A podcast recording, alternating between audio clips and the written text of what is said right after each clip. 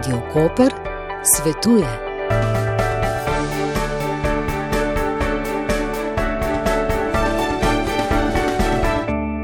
Besedni zvezi spolno nasilje oziroma spolni napad označujeta dejanja, s katerimi je prizadeta spolna nedotakljivost osebe.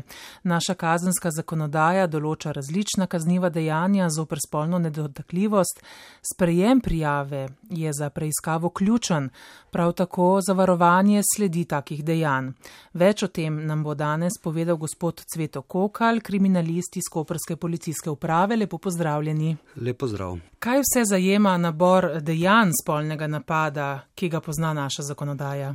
Torej, nabor kaznjivih dejanj z področja spolnega nasilja oziroma spolne nedotakljivosti zajema različna kazniva dejanja, od posilstva, spolnega nasilja, spolni napad na osebo mlajšo od 15 let. Skratka, m, veliko kaznjivih dejanj, ki seveda se preganjajo po uradni dolžnosti. In na policijo je običajno ravno tista žrtev, ki policija z njo vzpostavi nek prvi stik, ne, s katero se žrtev uh, sreča. Zagotovo je tu pomemben ta prvi vtis, ki ga ima žrtev, oziroma da policija, mislim, uh, ima pravzaprav strokovno dovolj usposobljene kriminalistke in kriminaliste in delu žrtvam in potem tudi ta sprejem kazenske ovadbe, te prijave, policija posveča izredno pozornost. Tako da sam menim, da nekako razlog za neprijavljanje je lahko um, kompleksen, ni, samo, ni ga samo za iskati v, v temu v policiji oziroma seveda vsaka prijava, vsak uh, srečanje ne, na policiji predstavlja za žrtov katero katerokoli žrtev, katerega koli kaznivega dejanja, svoj vrsten stres. E, še zlasti pa seveda ta, ta stres je toliko večji, povečan, ko gre za. Taka občutljiva kazniva dejanja, s katerim pravzaprav na nek način posegamo ne, v intimo žrtve, ne, ko mora žrtev govoriti o svojih intimnih občutkih, o, je to ena še to dodatna obremenitev za žrtev. Ne, in žrtev veliko krat zaradi tega ni pripravljena tega deliti, ker se s tem nekako sveda razgali, izpostavi, ne na nazadnje tudi pritisku javnosti, ki rada izenačuje žrtov in pripisuje potem tudi krivdo žrtvi, ali vsaj, da je, da je krivda nekako porazdeljena. In um, ocenjujem pravzaprav, ne, da vprašanje se postavlja samo ali kot uh, družba naredimo dovolj, in pa tudi kot ali je ta sistemski odziv ne, dovolj ustrezen, da razbremenimo pritiske na žrtev, ne, da jo s tem nekako opolnomočimo. Ne. Moje mnenje in vedno to povnarjam, da pač je, smo družba, v kateri je pravzaprav nasilje, ne, imamo še vedno zelo tolerantno odnos do nasilja, to ponavljajo tudi in podarjajo drugi strokovnjaki, kljub tako imenovanemu deklariranemu izjavljanju ne, o ničelni toleranci do nasilja. Ne. To zveni veliko krat tako malo bolj na lahko izrečena fraza. To je na teoretični ravni eh, resnica, in praksa je pa drugo. No, danes bova tudi povedala, kako uh, prijaviti. Načinov je seveda več, več je tistih inštitucij, ki lahko žrtvi pomagajo. Pa če greva nekako po vrsti, prav iz tega, kar ste zdaj povedali, težko je govoriti o neki tako imenovani statistiki, namreč mnoga dejanja so prav zaradi razlogov, ki ste jih zdaj našteli, pa še nekaj jih bova, ostanejo prikrita oziroma nikoli odkrita. Ne? Ja, ravno iz razlogov, o katerih smo govorili, pravzaprav se žrtev ne odloči za prijavo. Sivo polje oziroma je tu veliko, se pravi, zagotovo je teh dejanj več. Tudi vemo, da je v družini več tudi spolnih napadov na otroke, spolnih zlorab, tudi v družini se dogajajo posilstva, pa vendar imamo pravzaprav malo ali nobene skoraj da prijave na tem področju, ne? ravno iz tistih eh, občutkov oziroma iz tistih čustev, ki jih doživlja žrtev. Ne? Sedaj mislim, da je pomembno povdariti, ne? da je pomembno, da vsaka žrtev seveda to doživlja po svoje, na svoj način. Ne? In te čustva, ki jih žrtev doživlja, seveda in če žrtev pri sebi oceni, da bo po prijavi, potem ko se izpostavi, ne, da bodo ti pritiski večji ali se ne bodo prenehali ali se bodo se stopnjevali in da bo bolečina potem še večja, potem je zelo malo verjetno, da bi se žrtev odločila za tako prijavo, ne, tako, za tako izpostavljanje, ker potem se le praktično v, po policijski prijavi, ne, ko policija zbere vsa potrebna obvestila, zbere dokaze, tu je potrebno reči, da veliko krat na tem področju nimamo nekih materialnih dokazov, da je tu zelo pomembno pričevanje žrtev, pričevanje more biti nekih prič posrednih ali neposrednih prič. Ne, to je potem tisto delo, ki je zelo pomembno v predkazenskem postopku da policija poskuša dobiti dovolj elementov za podajo kazenske ovadbe. Sveda, zelo mora biti kaznovano, ne? to, kar nekdo dela, vendar ta pot do tega je ponavadi zelo dolga, običajno se ta kar. Te traja vrsto let, preden pride do obsodbe, če pride, in še to, kot pravi statistika, oziroma tudi kar lahko preberemo, da so te obsodbe pogojne. Če bi bile bolj uspešne, oziroma bolj, um, bom rekla, stroge, bi bilo več Mislim, odziva? Ravno to je tisto ena, en stereotip ali nek mit, ne, da uh, ljudje, oziroma da menimo, menijo nekateri, ne, lajčna javnost, predvsem, da bi više kazni pomenile uh, manj tovrstnih kaznjivih dejanj. To vemo tudi na področju nasilja v družini, to seveda ne drži, ne, da sama zagrožena kazen, sam represivni pristop je en del zgodbe in represivni ukrep lahko nekako je učinkovit, tudi tisto vključno s prepovedjo približevanja, ki ga policisti izrečejo, je lahko uspešen kratkotrajno, morda na dolgi rok pa seveda to ne pomeni zagotovilo, da se nasilje ne uh, bo ponovilo. Pravzaprav odgovor je v tej naši uh, tolerantnosti, kot sem rekel, ne, da je nasilje nekako, ima neko, bom rekel, pod, pod, pod narekovaj, neko domovinsko pravico oziroma da se na nasilje odzivamo zelo, zelo počasi, oziroma nekako celo ne priznamo, da je to družben problem. Ne. Uh, lahko danes beremo po spletu, ne, da, uh, ne, recimo, da v Sloveniji očitno nočemo, da bi spolno nasilje postalo družben problem. Lahko bi rekli, še razširimo, ne, da pravzaprav. Samo nasilje v, pri nas, v slovenskem prostoru, ne priznamo kot družben problem ne? in se vedno nekako izgovarjamo na nekatere druge inštitucije. Sveda ni policija edina, ki na to se odziva. Ne. Tu je seveda potem pomembno in tožilstvo, in sodišče, in vse ta ukrepanje, ta ustrezni ukrep. In če žrtev oceni, da tega ukrepa oziroma odziva ustreznega ne bo, in če ne bo tega zadoščenja, se pač ne, prija, ne odloči za prijavo.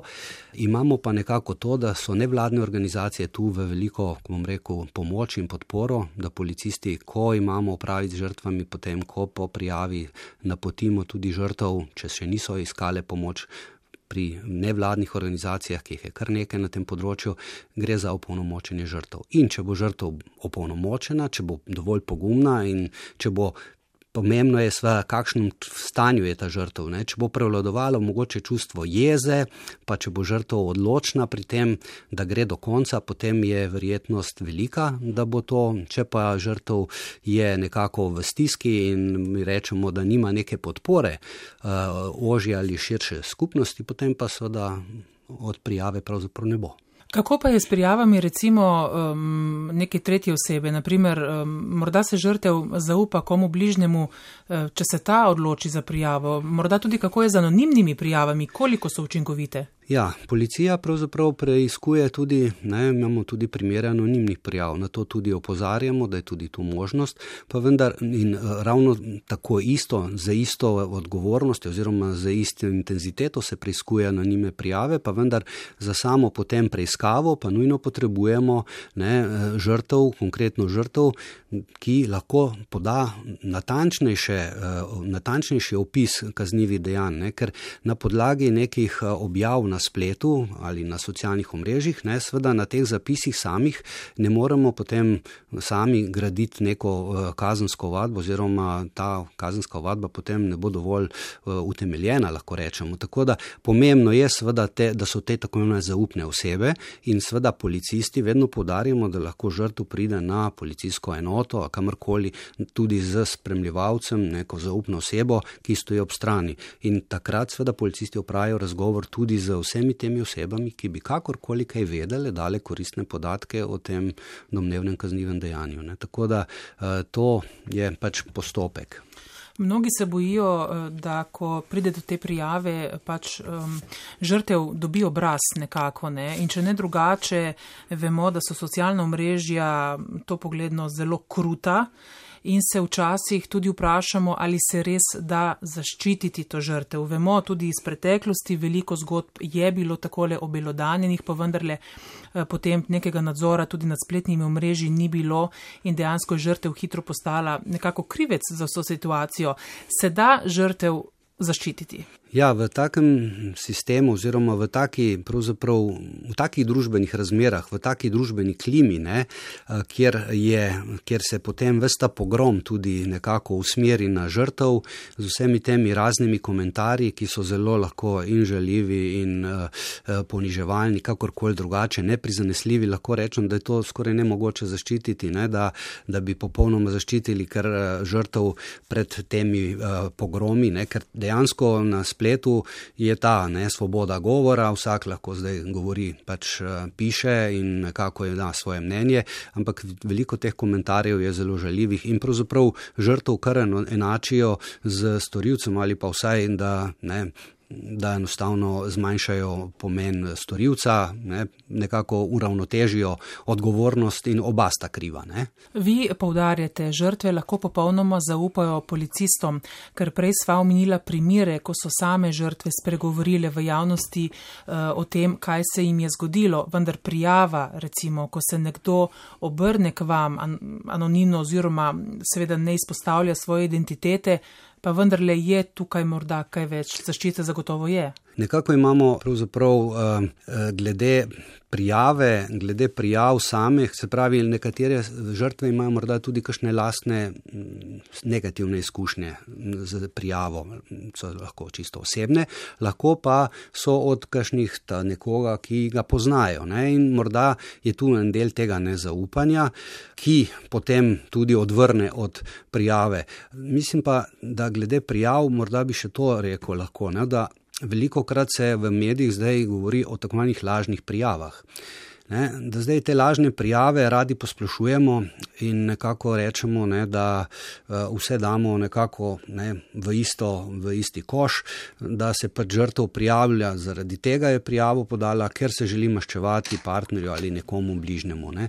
Skratka, s tem pravzaprav žrtev naredimo, uh, s temi povdarjanji, ne, da so vse kot prijave lažne, naredimo tu ogromno škodo, kar pomeni dejansko, da potem ta izenačitev ne, odvrne od prijave, in javnost je pa temu zelo naklonjena, ne? in mi ne sprevidimo. Ne? Kljub temu, da obstajajo seveda prijave, ki so lahko lažne in jih tudi ugotovimo, pa vendar to še ne pomeni, da se spolno nasilje v naši družbi ne dogaja in da ga ne bi bilo potrebno ustrezno sankcionirati in se na to ustrezno odzvati. Ampak seveda ne samo policija tudi vse uh -huh, druge inštitucije. Uh -huh. In jaz mislim, še enkrat podarjam, no, da tu z vidika nevladnih organizacij je tu, nevladne organizacije so tu igrale zelo pomembno vlogo pri spremembi te zakonodaje, kazenske na tem področju, ne, samo ja pomeni ja, ne, ta dikcija, ne, ker ravno tem spremembam je nasprotovalo ravno eh, pravosodje. Ne. Se pravi, da se to ne, ne bi spremenjalo, oziroma da je ta sistem oziroma ta kazenski del čisto dovolj lepo urejen. Tako da tu seveda še enkrat podarjam, ne, ni problem v samem tem kazensko-pravnem pristopu, oziroma ne, to je en del zgodbe. Mislim, da pač kot družba smo zelo. Pač še vedno zelo sprejemamo to nasilje kot nekaj tako, ne, del življenja in na to ne odzivamo se ustrezno in pravočasno. Načinov in eh, sredstev za prijavo je več. Um, za žrtve oziroma oškodovance je policija pred časom pripravila tudi posebno aplikacijo, kjer lahko pridobijo informacije o poteku postopka, eh, sicer pa kot rečeno na več načinov lahko pride do te prijave ne, oziroma sporočijo prijavo. Tako je. Najbolj seveda tisti običajni ne je, da pri se glasijo osebno, lahko je to tudi se najavi ob telefonu, lahko je pisna prijava, lahko je v elektronski obliki. Torej teh uh, poti je več. Ne. Uh, kako zdaj seveda to razbremeniti uh, žrtvo, da, da uh, bo o tem spregovorila bolj podrobno, ker za, za to, da utemeljimo neko kaznivo dejanje, potrebuje policija podrobnosti in teh podrobnosti pa eh, lahko o tem govorimo ali jih izvemo v nekem, bi rekli, tem preiskovalnem intervjuju, v nekem poglobljenem razgovoru, ne, kjer skušamo te domneve o sumu kaznivega dejanja podkrepiti in jih tudi s tem dokazovati. Um, tudi materialni dokazi ne, so v teh primerjih zelo pomembni. Ne? Ja, zagotovo. Mrsikdaj seveda so neka dejanja storjena že v neki, neki preteklosti oziroma toliko časa nazaj in praktično nekih materialnih dokazov nimamo oziroma da bi potem opravila policija še morda kakšno hišno preiskavo ali zavarovala recimo sledi, oble, zasegla oblačila in podobno. Se pravi, to je ena, ena, ena omejitev ne, pri našem delu. Zato je zelo pomembno, ne, da je ta prijava čim eh, prejšnja, oziroma da bi, se, da bi se lahko še eventualno zavarovala še materialni dokazi dejansko čim prej, ne, tudi po več letih nekateri ja. prijavijo, pa vendarle takrat v bistvu tudi vi imate manj možnosti ne, za odkriti in tudi kaznovati storilca. Zagotovo. Z, s časom, ko se umika od storitve kaznivega dejanja, potem je težje to morda tudi dokazovati. More biti ne z materialnimi dokazi, ampak s kakšnimi posrednimi pričevanji, z, z tem, ko se žrtvo zaupa prijatelju, prijateljici ali kakorkoli. Se pravi, to je potem lahko tisti razlog, da se lahko to, ta kavadba tudi bolj utemeli. Splošno zaupanje ne, je po takih izkušnjah skrhano, pa vendar morda ob tem poudarimo, ne, policisti se redno in sistematično izobražujete in usposabljate tudi na tem področju. Ne. Zagotovo v policiji je na tem področju dan velik podarek in eh, ta strokovna usposabljanja so v teku že, že mnogo, mnogo let. No in lahko rečem, ne, da imamo to usposabljanje tudi z mednarodno priznanimi strokovnjaki na tem področju. Kasneje pa problem sveda je po tej pripravi podaji, kot smo rekli, ne, kaj se potem dogaja, kaj se zgodi po prijavi, ko to zgodbo pograbijo mediji, ko pregorijo socialna omrežja, ko se vsta, vse to zgrne potem ne nad storilca, ampak ne, nad žrtev. Ne, in se je nekako vse, če je vedela, zakaj pa je šla tja, ne, pa zakaj je bila tako oblečena, pa se bi morala vedeti, da je tako. Ne. Skratka, vedno iščemo potem uh, na, na drugi strani, ne, pri žrtvi iščemo tiste odgovore, tem, ko storilec je pa ponavadi in se pravi, sta spolni predator, recimo, če govorimo o spolnem nasilju, če da prijav ne pride, seveda on s tem mu damo prosto pot, da si poišče nove morebitne nove žrtve. Ne. Kaj pravi zakonodaja pri nas, recimo, ko je nekdo pravnomočno močno obsojen zaradi takih eh, deliktov, um, odsluži, bi rekla, kazen, oziroma se, kje ta zaznamek naredi, ponekod po svetu vemo, da je tako? Ja, v bistvu pri nas večinoma, kar lahko zasledimo, ne, je ta obsodba ne, pogojna obsodba, se pravi pogojna zaporna kazen, da sodišče določi takemu storilcu, da v določenem času ne sme storiti takega istovrstnega recimo dejanja, v nasprotnem primeru mu grozi zaporna kazen. No. Tako da uh, pri nas uh, je, kot sem rekel, večinoma so te kazni, če je do nje pride, ne, če pride do tega epiloga na sodišču, je vse večinoma konča z obs, uh, pogojno zaporno kaznijo. Mhm. Kako pa je pri mladoletnih osebah? Ja, zagotovo. Najtežje eh, pri tem je pri področju spolne nedotakljivosti preiskovanje spolnih zlorab, ko so otroci in mladostniki žrtve teh kaznjivih dejanj. Eh, policisti seveda mm, imamo, ne obravnavamo tudi eh, to vrstna kazniva dejanja in težava je zopet tule, ker materialnih dokazov običajno ni in pravzaprav je zgodba zelo podobna.